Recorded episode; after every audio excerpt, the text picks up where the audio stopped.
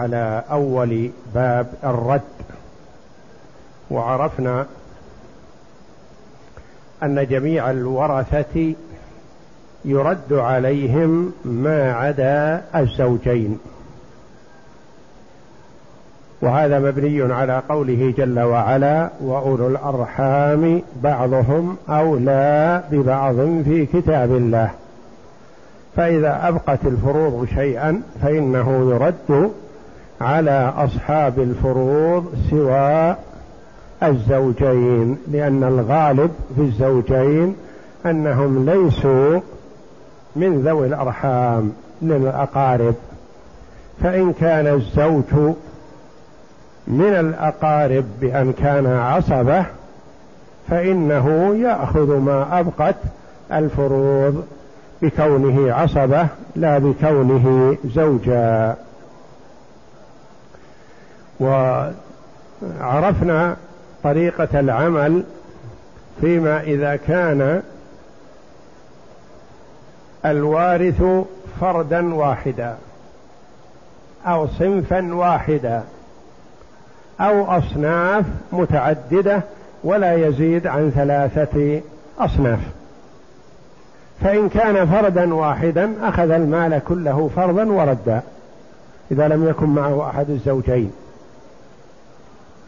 وإن كانوا صنفا واحدا قسم عليهم حسب على عدد رؤوسهم. وإن كانوا أصنافا فإن كل صنف يعطى فرضه ثم تعد الفروض وترد المسألة إلى مجموع الفروض. سواء كانت فروضهم متساوية أو متفاوتة. قد يكون فيها سدس وثلثان مثلا. فترد إلى خمسة. قد يكون فيها ثلث وسدس. فترد إلى ثلاثة. وهكذا. قد يكون فيها نصف وسدس. فترد إلى أربعة. ترد يعني أو أصل أصل المسألة يكون من ستة ثم تعد الفروض الموجودة فيها وترد إليها. هذا إذا لم يكن معهم أحد الزوجين. فإن كان معهم أحد الزوجين أعطي الزوج فرضه. إن كان زوج فله النصف أو الربع وإن كانت زوجة فلها الربع أو الثمن. ثم بعد ذلك يوضع مسألة. إذا كان مع ما مع الزوج فرد واحد فهو أخذ الباقي. وإذا كان ما مع الزوج صنفا واحدا أخذ الباقي بينهم. وإن كان مع الزوج أو الزوجة أصنافا وضع لهم مسألة مستقلة. فينظر ما بقي بعد حق الزوج مع مسألة الرد. فلا يخلو من انقسام أو موافقة أو مباينة. فبالانقسام تصح المسألتين مما صحت منه مسألة الزوجية وتعتبر هي الجامعة. وبالتوافق تضرب مسألة الزوجية في وفق مسألة الرد. ثم الزوج أو الزوجة يأخذ نصيبه مضروبا في وفق مسألة الرد. ومن معه في مسألة الرد يضرب يأخذ نصيبه مضروبا في وفق السهام التي بقيت بعد مسألة الزوجية.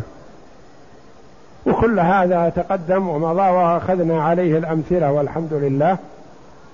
والآن يقول المؤلف رحمه الله تعالى ما هي أصول مسائل الرد إذا لم يكن فيها أحد الزوجين؟ يعني التي ترد إليها أصول مسائل الرد. أصول مسائل الرد هي أصل اثنين وأصل ثلاثة وأصل أربعة وأصل خمسة وكلها مردودة مقتطعة من أصل ستة. فمثلا أصل اثنين أخ لأم وجدة. المسألة من ستة للأخ لأم السدس وللجدة السدس. نعد واحد مع واحد كم؟ اثنان. رددنا المسألة من ستة إلى اثنين. هذا أصل اثنين. أصل ثلاثة أم وأخ لأم.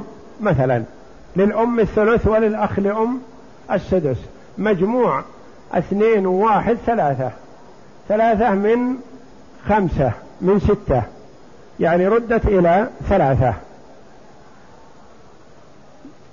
كذلك أصل أربعة مثلا. بنت وبنت ابن. للبنت النصف ثلاثة وبنت الابن السدس واحد. ثلاثة واحد أربعة.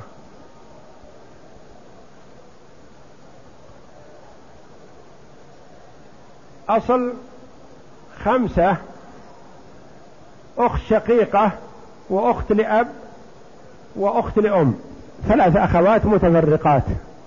المسألة من ستة للأخت الشقيقة النصف ثلاثة والأخت لأب السدس تكملة الثلثين والأخت لأم السدس فرضا. مجموعها كم؟ خمسة رددناها إلى خمسة. ولاحظ المثال الذي وضعه المؤلف رحمه الله فيه غطاء مطبعي حيث قال بنت وبنت ابن وأخت لأم. فأعطى البنت النصف ثلاثة وبنت الابن السدس واحد صحيح. والأخت لأم أعطاها واحد والأخت لأم لا ترث مع الفرع الوارث. وإنما كتبت بجوارها مسألة بدلا عنها هذه الأخوات الثلاث المتفرقات. أخت شقيقة أخت لأب أخت لأم. المسألة من ستة. للأخت الشقيقة النص ثلاثة. والأخت لأب السدس تكملة الثلثين. والأخت لأم السدس. المجموع خمسة. رددنا المسألة إلى خمسة. وهذه اللي وضع معها أخت لأم. لو وضعت بدل الأخت لأم جدة مثلا ممكن. أو وضعت بدلها أم بدون أخت مثلا لأم فقط. يصلح أن تكون من خمسة. بسم الله الرحمن الرحيم. قال المؤلف رحمه الله ما هي أصول مسائل الرد إذا لم يكن فيها أحد الزوجين؟ مسائل الرد إذا لم يكن فيها أحد الزوجين أربعة. يعني أربعة أصول. أصل اثنين وأصل ثلاثة وأصل أربعة وأصل خمسة. أربعة متوالية. نعم. الاثنين والثلاثة والأربعة والخمسة وكلها مقتطعة من أصل ستة. نعم. فسدسان كجدة وأخ لأم من اثنين. وسدس وثلث من ثلاثة كأم وأخ لأم وسدس ونصف من أربعة كبنت وبنت ابن. وسدسان ونصف من خمسة كأخت شقيقة وأخت لأب وأخت لأم. ذكر صورتها مرموز إليها بحرف باء وهي غير مكتوبة بهذا هي بنت وبنت ابن وأخت لأم. ولو حذف بدل الأخت لأم جعلت أم صحت. فإنها ترد إلى خمسة. أو كتبت بجوارها الذي ذكر المؤلف رحمه الله هذه أخت شقيقة أخت لأب أخت لأم تعول إلى ترجع إلى ترد إلى خمسة. نعم. ما هي أصول مسائل الرد إذا كان معهم أحد الزوجين؟ هذه ليست أصول في الحقيقة وإنما هي مصاح لهذه المسائل. و فأصول مسائل الرد إذا لم يكن فيها أحد الزوجين هي هذه التي تقدمت. أصل اثنين وأصل ثلاثة وأصل أربعة وأصل خمسة. أصول مسائل الرد إذا كان فيها أحد الزوجين فهي أصل اثنين وأصل أربعة وأصل خمسة وأصل ثمانية هذه فقط. أما هذه التي ذكرها المؤلف رحمه الله فهي مصاح للمسائل. وأما الأصول فهو أصل اثنين كزوج وأخت شقيقة مثلا. وهذه كاملة. زوج مثلا وأخت لأم. المسألة من اثنين.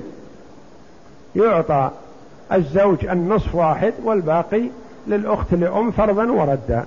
إذا كان مع الزوج مثلا فرد واحد. فإنها تكون المسألة من اثنين. أو زوجة وأخت شقيقة مثلا. للزوجة الربع وللأخت الشقيقة الباقي فرضا وردا. زوج وبنت. المسألة من اثنين من أربعة. زوج وبنت من أربعة. للزوج الربع واحد لوجود الفرع الوارث والباقي للبنت فرضا وردا. زوجة وبنت. المسألة من ثمانية الأصل ثمانية للزوجة الثمن والواقي للبنت سبعة فرضا وردا.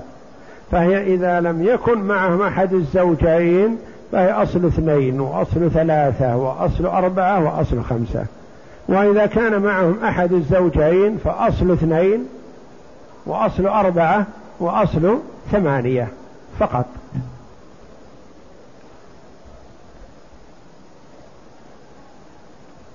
هذه المسائل التي وردت في الصفحتين هي مسائل فيها مصاح وهي على غرار ما سبق.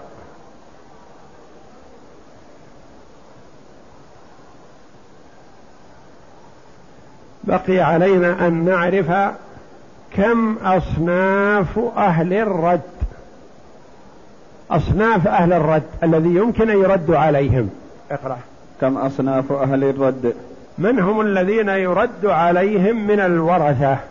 إن كان فرد واحد أخذ المال كله وإن كانوا صنف قسم بينهم. وهم نعم سبعة أصناف. من هؤلاء السبعة؟ اقرأ.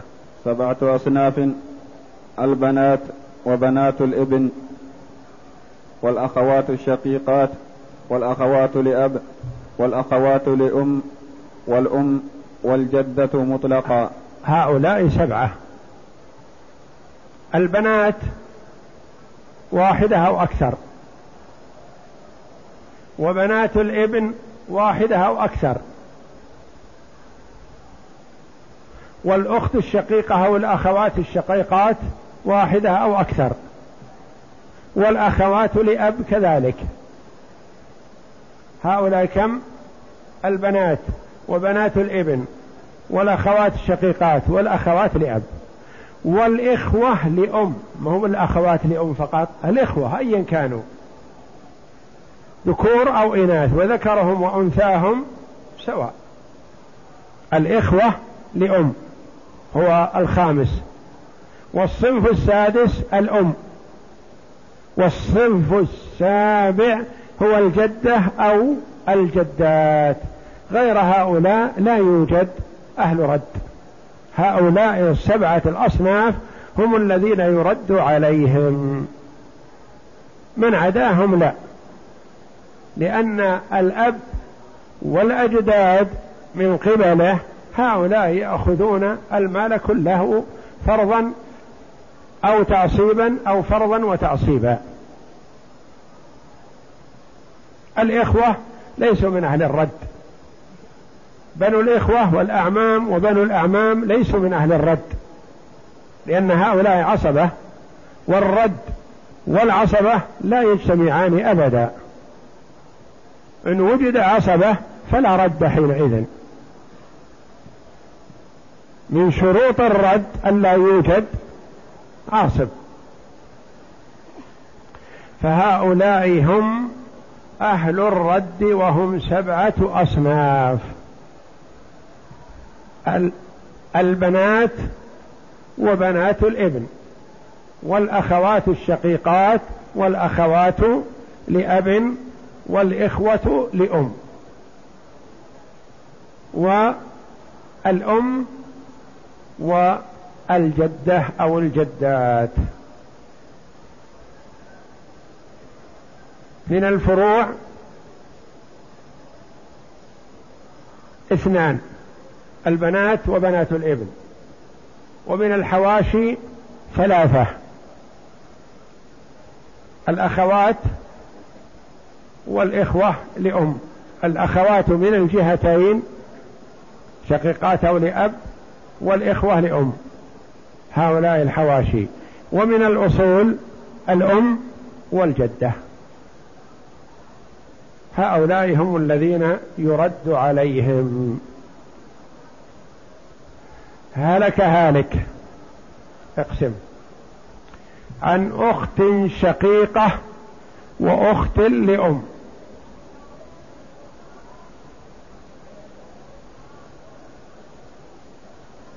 أخت شقيقة وأخت لأم.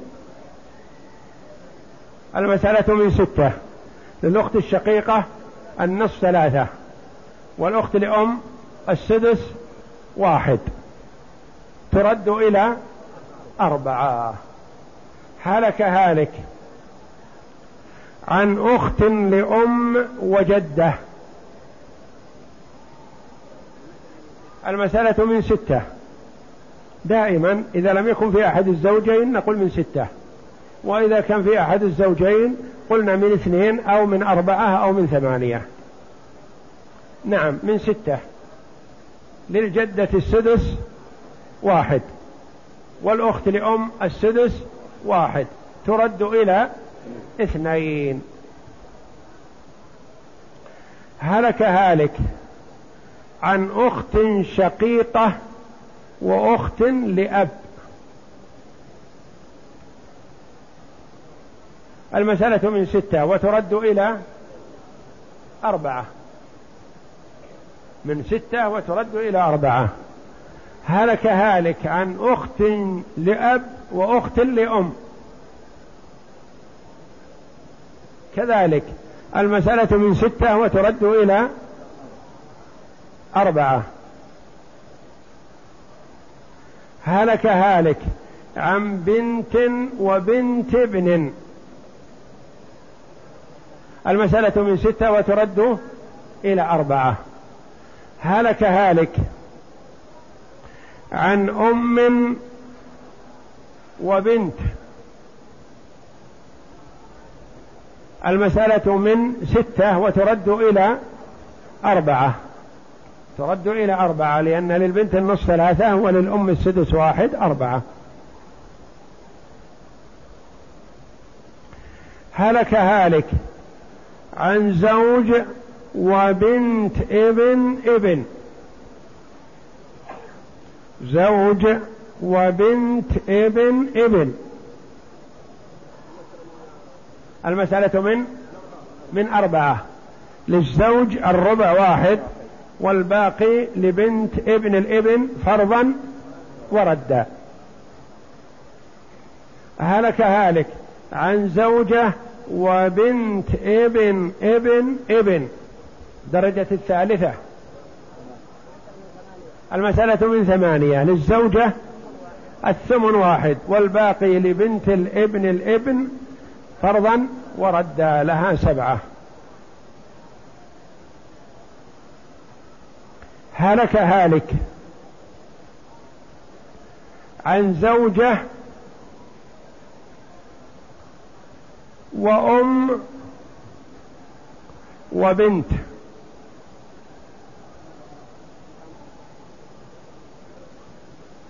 زوجة وأم وبنت. زوجة وأم وبنت. مسألة الزوجية من من ثمانية. مسألة الزوجية زوجة وأم وبنت. مسألة الزوجية من ثمانية. تأخذ الزوجة الثمن واحد والباقي سبعة. ومسألة الرد أم وبنت من ستة. من ستة. للأم السدس واحد وللبنت الباقي وللبنت النصف ثلاثة. ثلاثة واحد ردت إلى أربعة. ننظر بين ما بقي بعد الزوجية وهو سبعة. ومسألة الرد أربعة بينهما مباينة. تضرب الأربعة في الثمانية في مسألة الزوجية. اثنين في ثمانية باثنين وثلاثين. نعطيهم للزوجة واحد في أربعة بأربعة. الاثنين وثلاثين ماذا نسميها؟ الجامعة.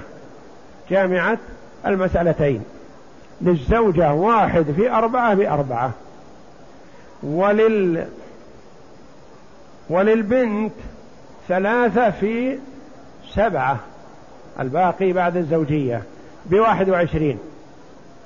وللأم واحد في سبعة بسبعة. نجمعها. ثلاثة في سبعة بواحد وعشرين. واحد في سبعة سبعة بثمانية, بثمانية وعشرين. ثمانية وعشرين وأربعة نصيب الزوجة اثنان وثلاثون.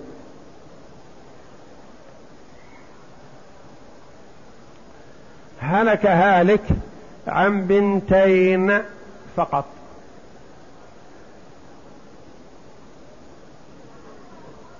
المسألة من كم؟ عدد الرسل المسألة من اثنين لأنه قلنا إذا كانوا صنف واحد ما نحتاج نرجع إلى الستة. الصنف الواحد والفرد الواحد ما نرجع إلى الستة. إنما نرجع إلى الستة إذا كانوا أصناف حتى نميز بين صاحب السدس من صاحبة النصف من صاحبة الثلثين من صاحبة الثلث. لأن كلها تخرج من ستة سواء كان سدس أو ثلث أو نصف أو ثلثان كلها تخرج من ستة. أما إذا كان صنف واحد فمن عدد رؤوسهم. هلك هالك عن سبع أخوات لأم. المسألة من سبعة. من عدد رؤوسهم. هلك هالك عن ثلاث زوجات وبنت.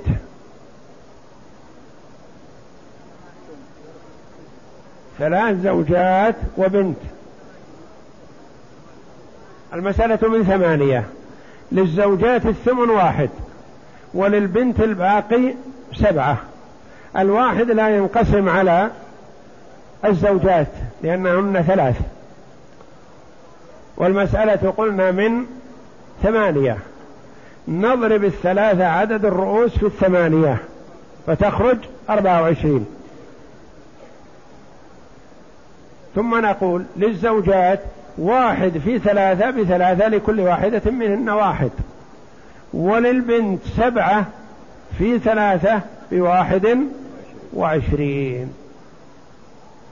وهذا يعتبر تصحيح وليس بجامعة لأن الجامعة نحتاج إليها إذا كان مسألتين. إذا كانتا مسألتين احتجنا إلى الجامعة. أما إذا كانت مسألة واحدة فيها انكسار على الرؤوس فتحتاج إلى تصحيح فقط. هلك هالك عن أصناف أهل الرد. من يرث منهم؟ وهل يكون فيها رد؟ هلك هالك عن أصناف أهل الرد. وليس معهم أحد الزوجين.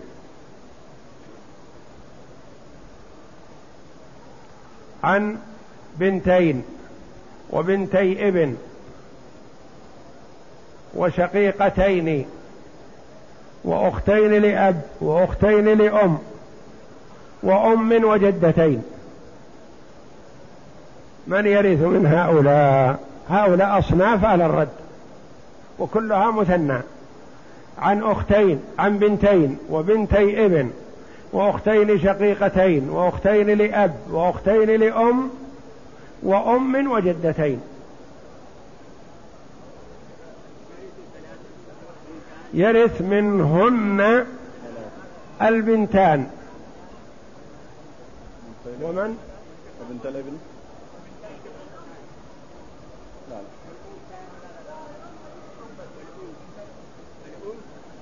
يرث منهن البنتان ومن معهن. والأم هذا لا إشكال فيه. من بقي؟ بعد والأخوات إن تكن بنات فهن معهن معصبات هنا معصبة. يرث البنتين والأختين الشقيقتين دون بنات الإبن لأن بنات الإبن استغرقت البنتان استغرقت الثلثين ما بقي لهن شيء. ولسن عصبة مع عماتهن وإنما الأخوات مع البنات عصبات. إذا ورث أصناف أهل الرد ما عدا البنتين. من ذكر غير البنتين من يرث منه منهن؟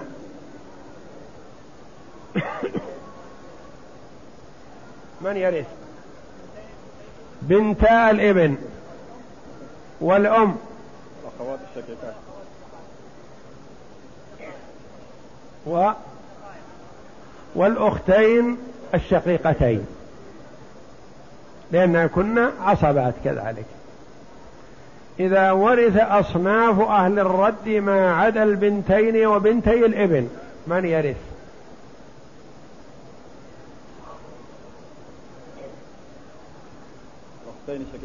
الأختان الشقيقتان. والأم. والأم. يلا باقي. الأخت الأم الأم ومن غيرها. الأخت لأم الأختين الأختان لأم. الشقيقتان يأخذن الثلثين. لأب ليس لهن شيء لأن استغرقت الفروض. والأختان لأم لهن الثلث. ثلث وثلثان ستة. والأم لها السدس. لها السدس. آلت إلى سبعة وليس فيها رد. إذا ورث أصناف أهل الرد ما عدا البنتين وبنتي الابن والأختين الشقيقتين. من يأخذ منهم؟ الأختان لأب. يأخذن الثلثين. والأختان لأم يأخذن الثلث. والأم. وتعول إلى سبعة كسابقتها. إذا ورث أصناف أهل الرد ما عدا الأربعة. ما عدا البنتين وبنتي الابن والأختين الشقيقتين والأختين لأب. هؤلاء محذوفات. من يرث؟ يرث الأختان لأم والأم فقط. الأختان لأم والأم. إذا ورث أصناف أهل الرد ما عدا الأخت... الأختين لأم من. من الأم فما بعدها؟ من يرث؟ لم يوجد من أصحاب الرد إلا الأم والجدة. من يرث؟ الأم تأخذ المال فرضا وردا. وإذا لم يوجد إلا الجدة وحدها أخذت المال فرضا وردا. الأسبوع القادم إن شاء الله في الخنثى. يقول الأخ السائل أرجو إفادتي عن هذه الوصية هل هي صحيحة أم لا؟ علما بأن هذه الورقة انتشرت بين الناس. هذه المبدوءة من الشيخ أحمد حامل مفاتيح حرم الرسول صلى الله عليه وسلم إلى المسلمين في مشارق الأرض ومغاربها. إليكم هذه النصيحة. هذا كذب وافتراء وتمويه وإضلال للناس. والواجب على كل من وقعت في يده أن يمزقها.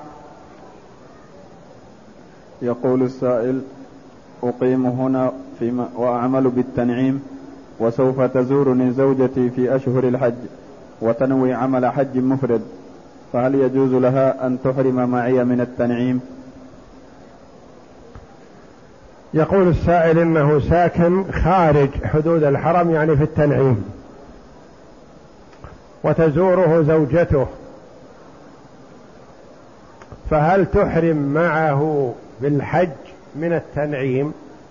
والجواب إن كانت جاءت بنية الحج مع زيارة زوجها أو الإقامة مع زوجها فيجب عليها أن تحرم من الميقات الذي تمر به. من أي جهة جاءت. فإن لم تحرم من الميقات وجاءت إلى زوجها فيجب عليها عند الإحرام بالحج أن ترجع إلى الميقات الذي مرت به وتحرم منه. فإذا أحرمت بالحج من الميقات الذي مرت به اولا فلا شيء عليها تحرم مفردة بالحج ولا شيء عليها. جاءت بدون إحرام. وهي على بالها الحج ناوية الحج وزوجها أمامها. جاءت وأقامت مع زوجها بدون إحرام. رغبت في الحج نقول تعود إلى ميقاتها الذي مرت منه وتحرم بالحج ولا شيء عليها. فإن لم تعد فعليها هدي لأنها أحرمت دون ميقاتها. إلا إن كانت جاءت لم يخطر على بالها الحج وما نوت الحج وإنما جاءت لزوجها. ثم لما جاءت وأقامت مع زوجها فترة من الزمن طرأ عليها أن تحج. فتحرم من مكان إقامتها مع زوجها من التنعيم.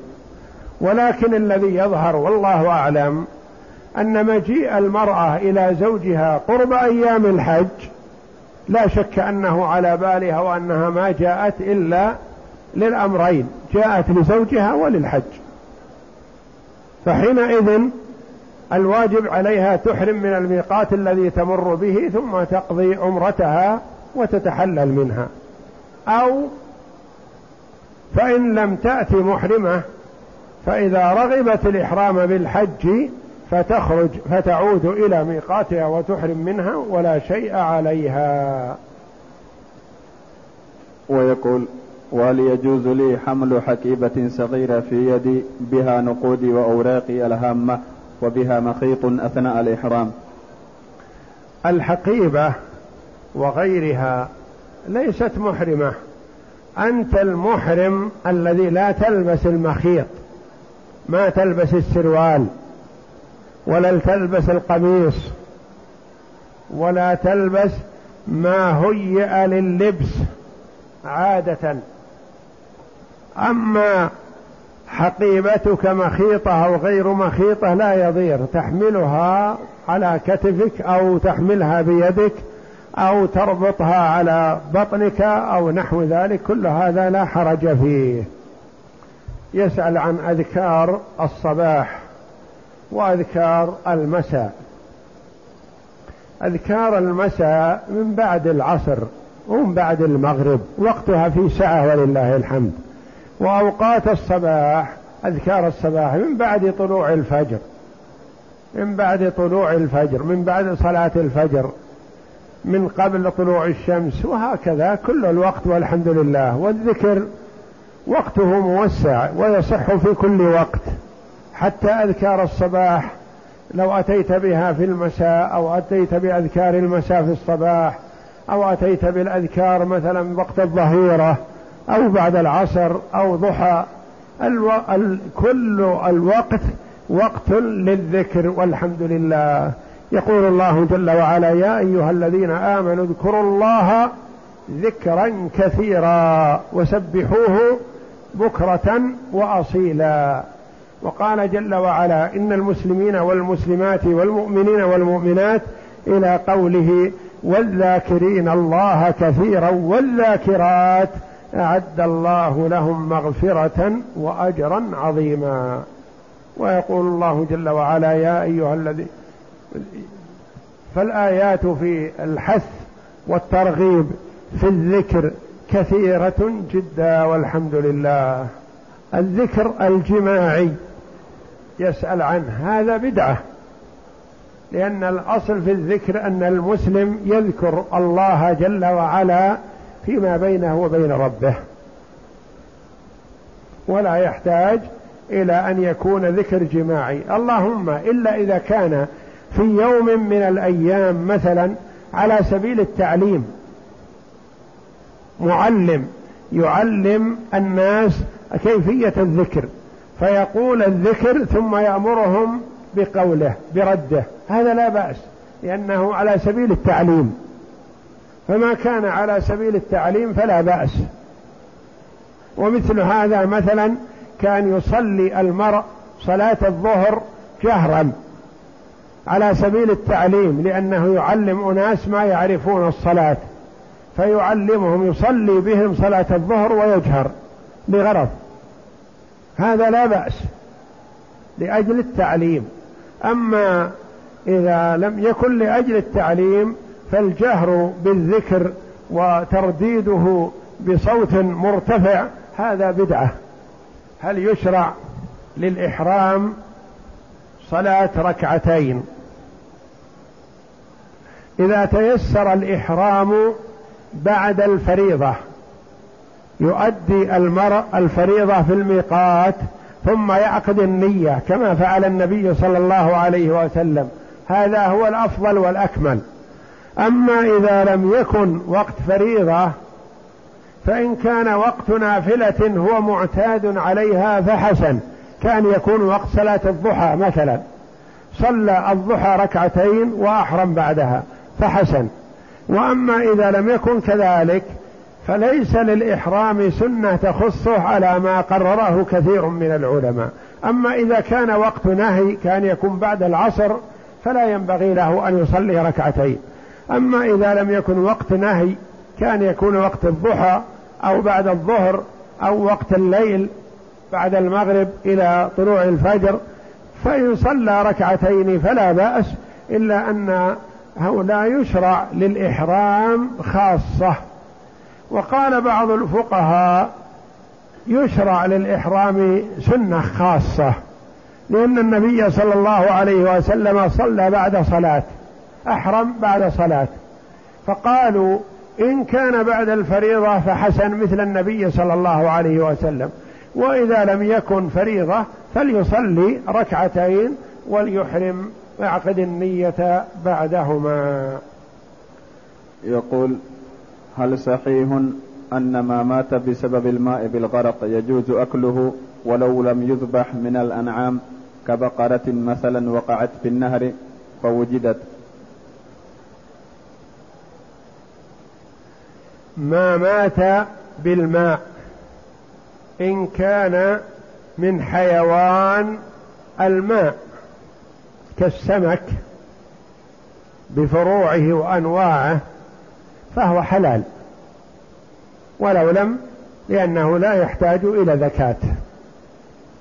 أما بهيمة الأنعام فلا بد من زكاتها إلا في حال أن يكون غير مقدور على زكاتها فتعتبر بمثابة الصيد. من أي مكان جرحت وماتت فهي حلال. مثلا بعير شرد وما استطعنا نحره فأطلقنا عليه رصاصة فقتلته فهو حلال لأن حكمها الآن أصبح حكم الصيد إذا ند يعني شرد مثله بقرة. مثلا مثله شاة وغيره ندت فحكمها حكم الصيد من أي مكان جرحت صحت. مثلا ندت في البر أو سقطت في بئر فما استطعنا إخراجها وما استطعنا الوصول إلى تذكيتها. فجرحناها بأي جرح فماتت. فنقطعها وتؤكل. لأنها في هذه الحال حكمها حكم الصيد لأنه غير مقدور على تذكيتها. فيمكن السائل سمع عن هذا أن البعير أو البقرة إذا سقطت في بئر وما استطعنا تذكيتها وخفنا عليها من الغرق فإننا نقتلها مثل الصيد. نرسل عليها مثلا حديدة أو بندقية برصاصة أو نحو ذلك فإذا ماتت بهذه الضربة فإنها تحل حينئذ. أما إذا غرقت في الماء فلا.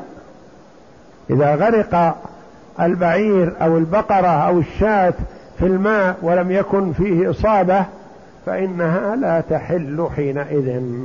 يقول هل الأكل والشرب جالسا أفضل أم واقفا؟ وهل من شرب جالسا يكون متشددا؟ الأصل أن الشرب والأكل جالس هذا هو الأفضل وهو سنة رسول الله صلى الله عليه وسلم. فإذا شرب المرء واقفا فهذا جائز لكنه ترك الأولى. وثبت أن النبي صلى الله عليه وسلم شرب واقفا لبيان الجواز صلوات الله وسلامه عليه. هذا الذي له عقد ويسأل عن استحقاقاته. هذا مرده إلى المحكمة. يرجع إلى الحاكم الشرعي ويبين ما يطالب به ويسمع الحاكم من خصمه ثم يحكم الحاكم بالحكم الشرعي إن شاء الله.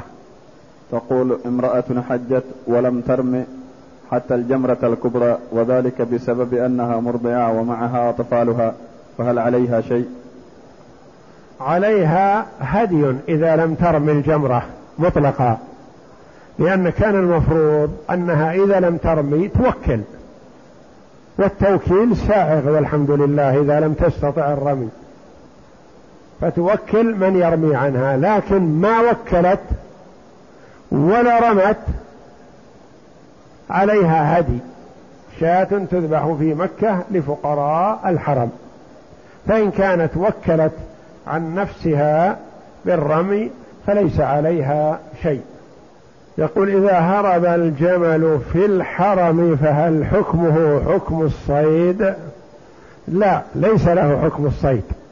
يجوز أن تقتله تضربه بالبندقية لأنه حكم حكم الصيد من حيث الذكاة والنحر.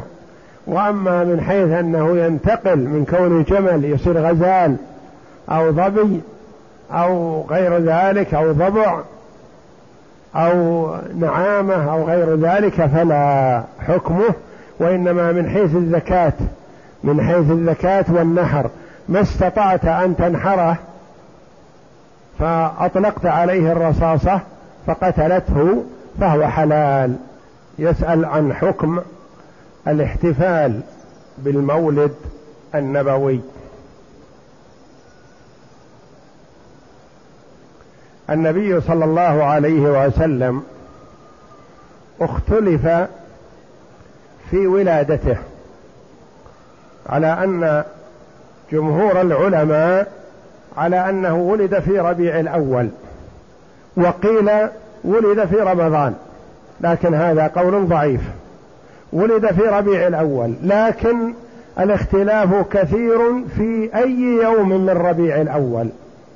والجمهور على أنه يوم الاثنين من ربيع الأول. لكن هل هو اليوم الثاني من ربيع الأول؟ قيل. وقيل اليوم الثامن أو التاسع من ربيع الأول. وقيل اليوم الثاني عشر من ربيع الأول. وقيل اليوم السابع عشر من ربيع الأول. وقيل لثمان بقين من ربيع الأول يعني يوم واحد وعشرين أو اثنين وعشرين. وهذا الخلاف يدل على أن الاحتفال بمولده صلى الله عليه وسلم لا أصل له. ولو كان له أصل لحفظ. الصحابة رضي الله عنهم حفظوا لنا كل شيء من فعل النبي صلى الله عليه وسلم يترتب عليه عبادة. ونقلوا لنا صلى أحماله وأفعاله صلى الله عليه وسلم. ما ضيعوا شيء. ومع ذلك اختلف في ولادته. هل هي يوم كذا أو يوم كذا أو يوم كذا. فلو كان في يوم ولادته عمل مشروع لحفظ. ثم إن الشهر الذي ولد فيه صلى الله عليه وسلم على قول الجمهور هو الشهر الذي مات فيه عليه الصلاة والسلام ولحق بربه. والنبي صلى الله عليه وسلم لم يشرع الاحتفال بمولده صلى الله عليه وسلم. ولم يفعله أبو بكر ولا عمر ولا عثمان ولا علي ولا أحد من الصحابة رضي الله عنهم. وهل يقول عاقل بأن من أتى بالقرون المتأخرة يحبون النبي صلى الله عليه وسلم أكثر من محبة هؤلاء الأخيار له صلى الله عليه وسلم؟ لا والله. ثم إن الاحتفال به قالوا مثلا إنه ذكر. وعبادة وتذكير وهكذا. والذكر بذكره صلى الله عليه وسلم والثناء عليه في كل لحظة وفي كل حين. لا تصح صلاة امرئ حتى يذكر النبي صلى الله عليه وسلم ويصلي عليه. على قول الجمهور. لا يصح أذان مسلم حتى يشهد أن محمد رسول الله. لا تصح صلاته حتى يشهد أن محمد رسول الله ويصلي ويسلم عليه. اللهم صل على محمد وعلى آل محمد. وفي كل وقت وفي كل حين. ثم إن محبته صلى الله عليه وسلم لا بطقوس وأفعال تفعل يوجد فيها من المنكرات الشيء الكثير. يوجد فيها اختلاط الرجال بالنساء. يوجد فيها استشفاع به وتوسل به ودعاء له وذلك شرك أكبر مخرج من الملة. يوجد فيها بدع وخرافات وجهالات يجلسون ثم يقومون كأن النبي دخل عليهم. وهذا ما يقوله عاقل. هؤلاء الذين يقومون أن النبي دخل عليهم هؤلاء مجانين مسلوب العقل. كيف يدخل عليهم؟ يدخل عليهم ثم يذهب إلى قبره. ولا يدخل عليهم ويجلس معهم. والله جل وعلا قال عنه إنك ميت وإنهم ميتون. والصحابة رضي الله عنهم دفنوه في قبره عليه الصلاة والسلام ورضي الله عنهم. فهل يأتي ويجلس معهم؟ وإنما هذا إيحاء من الشيطان وتقليد للكفار. أصل الاحتفال بالمولد الذي احتفل به أول من احتفل به الفاطميون. والفاطميون أهل بدعة وأهل ضلالة متعصبون لآل البيت تعصبا في غير محله فيه غلو وفيه جهل وفيه شرك. ولا يمكن أن تكون البدعة إلا عند صاحب ضلالة وبعد عن السنة لأن ما تجتمع السنة والبدعة سواء. ما أحدث قوم بدعة إلا سلبوا ما يقابلها من السنة والعياذ بالله.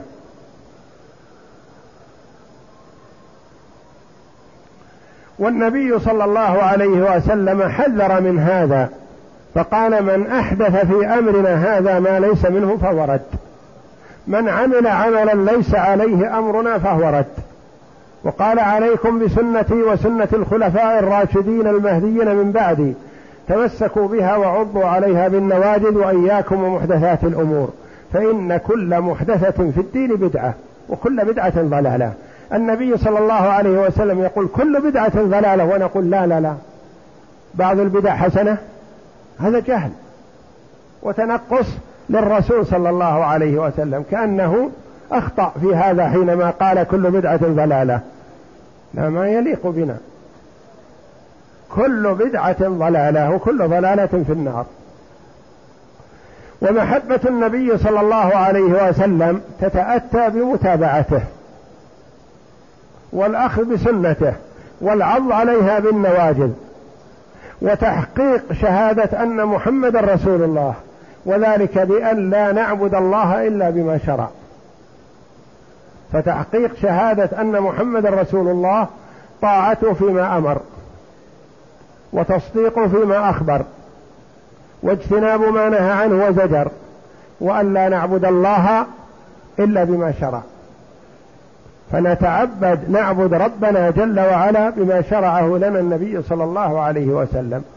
ما لم يشرعه النبي صلى الله عليه وسلم نضرب به عرض الحائط. كل بدعة ضلالة وكل ضلالة في النار. الفاطميون أحدثوا هذه البدعة لما كانوا جيران النصارى. هم في شمال إفريقيا والنصارى في أوروبا وهم جيرانهم. فكان النصارى يحتفلون بمولد عيسى بن مريم على نبينا وعليه أفضل الصلاة والسلام من باب الغلو. فالنصارى قالوا فالفاطميون قالوا النصارى يحتفلون بمولد نبيهم نحن نحتفل بمولد نبينا. فاحتفلوا بمولد النبي صلى الله عليه وسلم ولما كانت البدعة يفرح بها الشيطان حاول نشرها في أقطار العالم الإسلامي فانتشرت بسرعة وكثرت وصار يهتم بها ويقوم بها حتى من ينتسب إلى العلم جهلا وضلاله ويتقربون إلى الله جل وعلا بذلك. وهو وهذا مما يبعدهم عن الله جل وعلا. وإنما الذي يقرب من الله جل وعلا هو متابعة النبي صلى الله عليه وسلم. يقول الله جل وعلا قل إن كنتم تحبون الله ف فاتبعوني يحببكم الله ويغفر لكم ذنوبكم. فالرسول صلى الله عليه وسلم بما أطلعه الله جل وعلا عليه بأنها تنتشر وتكثر البدع في آخر الزمان بعد القرون المفضلة. لأن القرون المفضلة كما تقدم لنا أمس أنها ثلاثة قرون. قرني قرن النبي صلى الله عليه وسلم ثم الذين يلونه ثم الذين يلونهم. ثلاثة قرون مفضلة. يعني على سبيل العموم وإلا فقد وجد فيها شيء من الفتنة والشر والبدع لكنها ترد ما تقر. فوجد هذا الاحتفال بعد القرون المفضلة في القرن الرابع أو السادس. ما وجد الاحتفال بمولد النبي صلى الله عليه وسلم والصحابة والتابعون وتابعوهم ما عرفوا هذا وما احتفلوا. وجد في القرن الرابع أو السادس. الاحتفال بمولد النبي صلى الله عليه وسلم. فهو بدعة من البدع المنتشرة والبدعة يفرح بها الشيطان أكثر من المعصية. يسر بها ويفرح أكثر من أن يزري العبد أو يسرق أو يعمل كبيرة من كبائر الذنوب دون الشرك. لأن صاحب البدعة ما يستغفر منها والعياذ بالله. صاحب البدعة يرى أنه يتقرب إلى الله جل وعلا فيسر بها الشيطان. صاحب المعصية حري أن يندم ويتأسف يستحي يستغفر يتوب يخجل يعلم أنه اقترف ذنب يؤنبه ضميره فحري جدير به أن يتوب ويستغفر ويستخفي عن من الأخيار. ويستحيي من ذكر ذنبه. أما صاحب البدعة والعياذ بالله فهو يتبجح بها ويرى له أنه يتقرب بها إلى الله جل وعلا فيهلك بهذا ويهلك الآخرين والعياذ بالله. وهي تكثر في هذا الأيام من هذا الشهر شهر ربيع الأول. وكما قال بعض العلماء ليس الاحتفال بأولى من الحزن لو نظرنا لأنه ولادته ووفاته. كلها في ربيع الأول. فلا ينبغي الاحتفال في هذه وحضور هذه المجالس البدعية لأنها تبعد العبد من ربه جل وعلا وتحرمه من متابعة النبي صلى الله عليه وسلم ومقل ومستكثر. أناس يقعون في هذا الاحتفال والعياذ بالله ويخرجون من الإسلام بالكلية. إذا أشركوا النبي صلى الله عليه وسلم ونادوه وسألوه وعبدوه واستغاثوا به هذا شرك أكبر مخرج من الملة. قد يحضر هذا الاحتفال مسلم ثم يخرج والعياذ بالله كافر. وقد يخرج منه صاحب بدعة دون الكفر.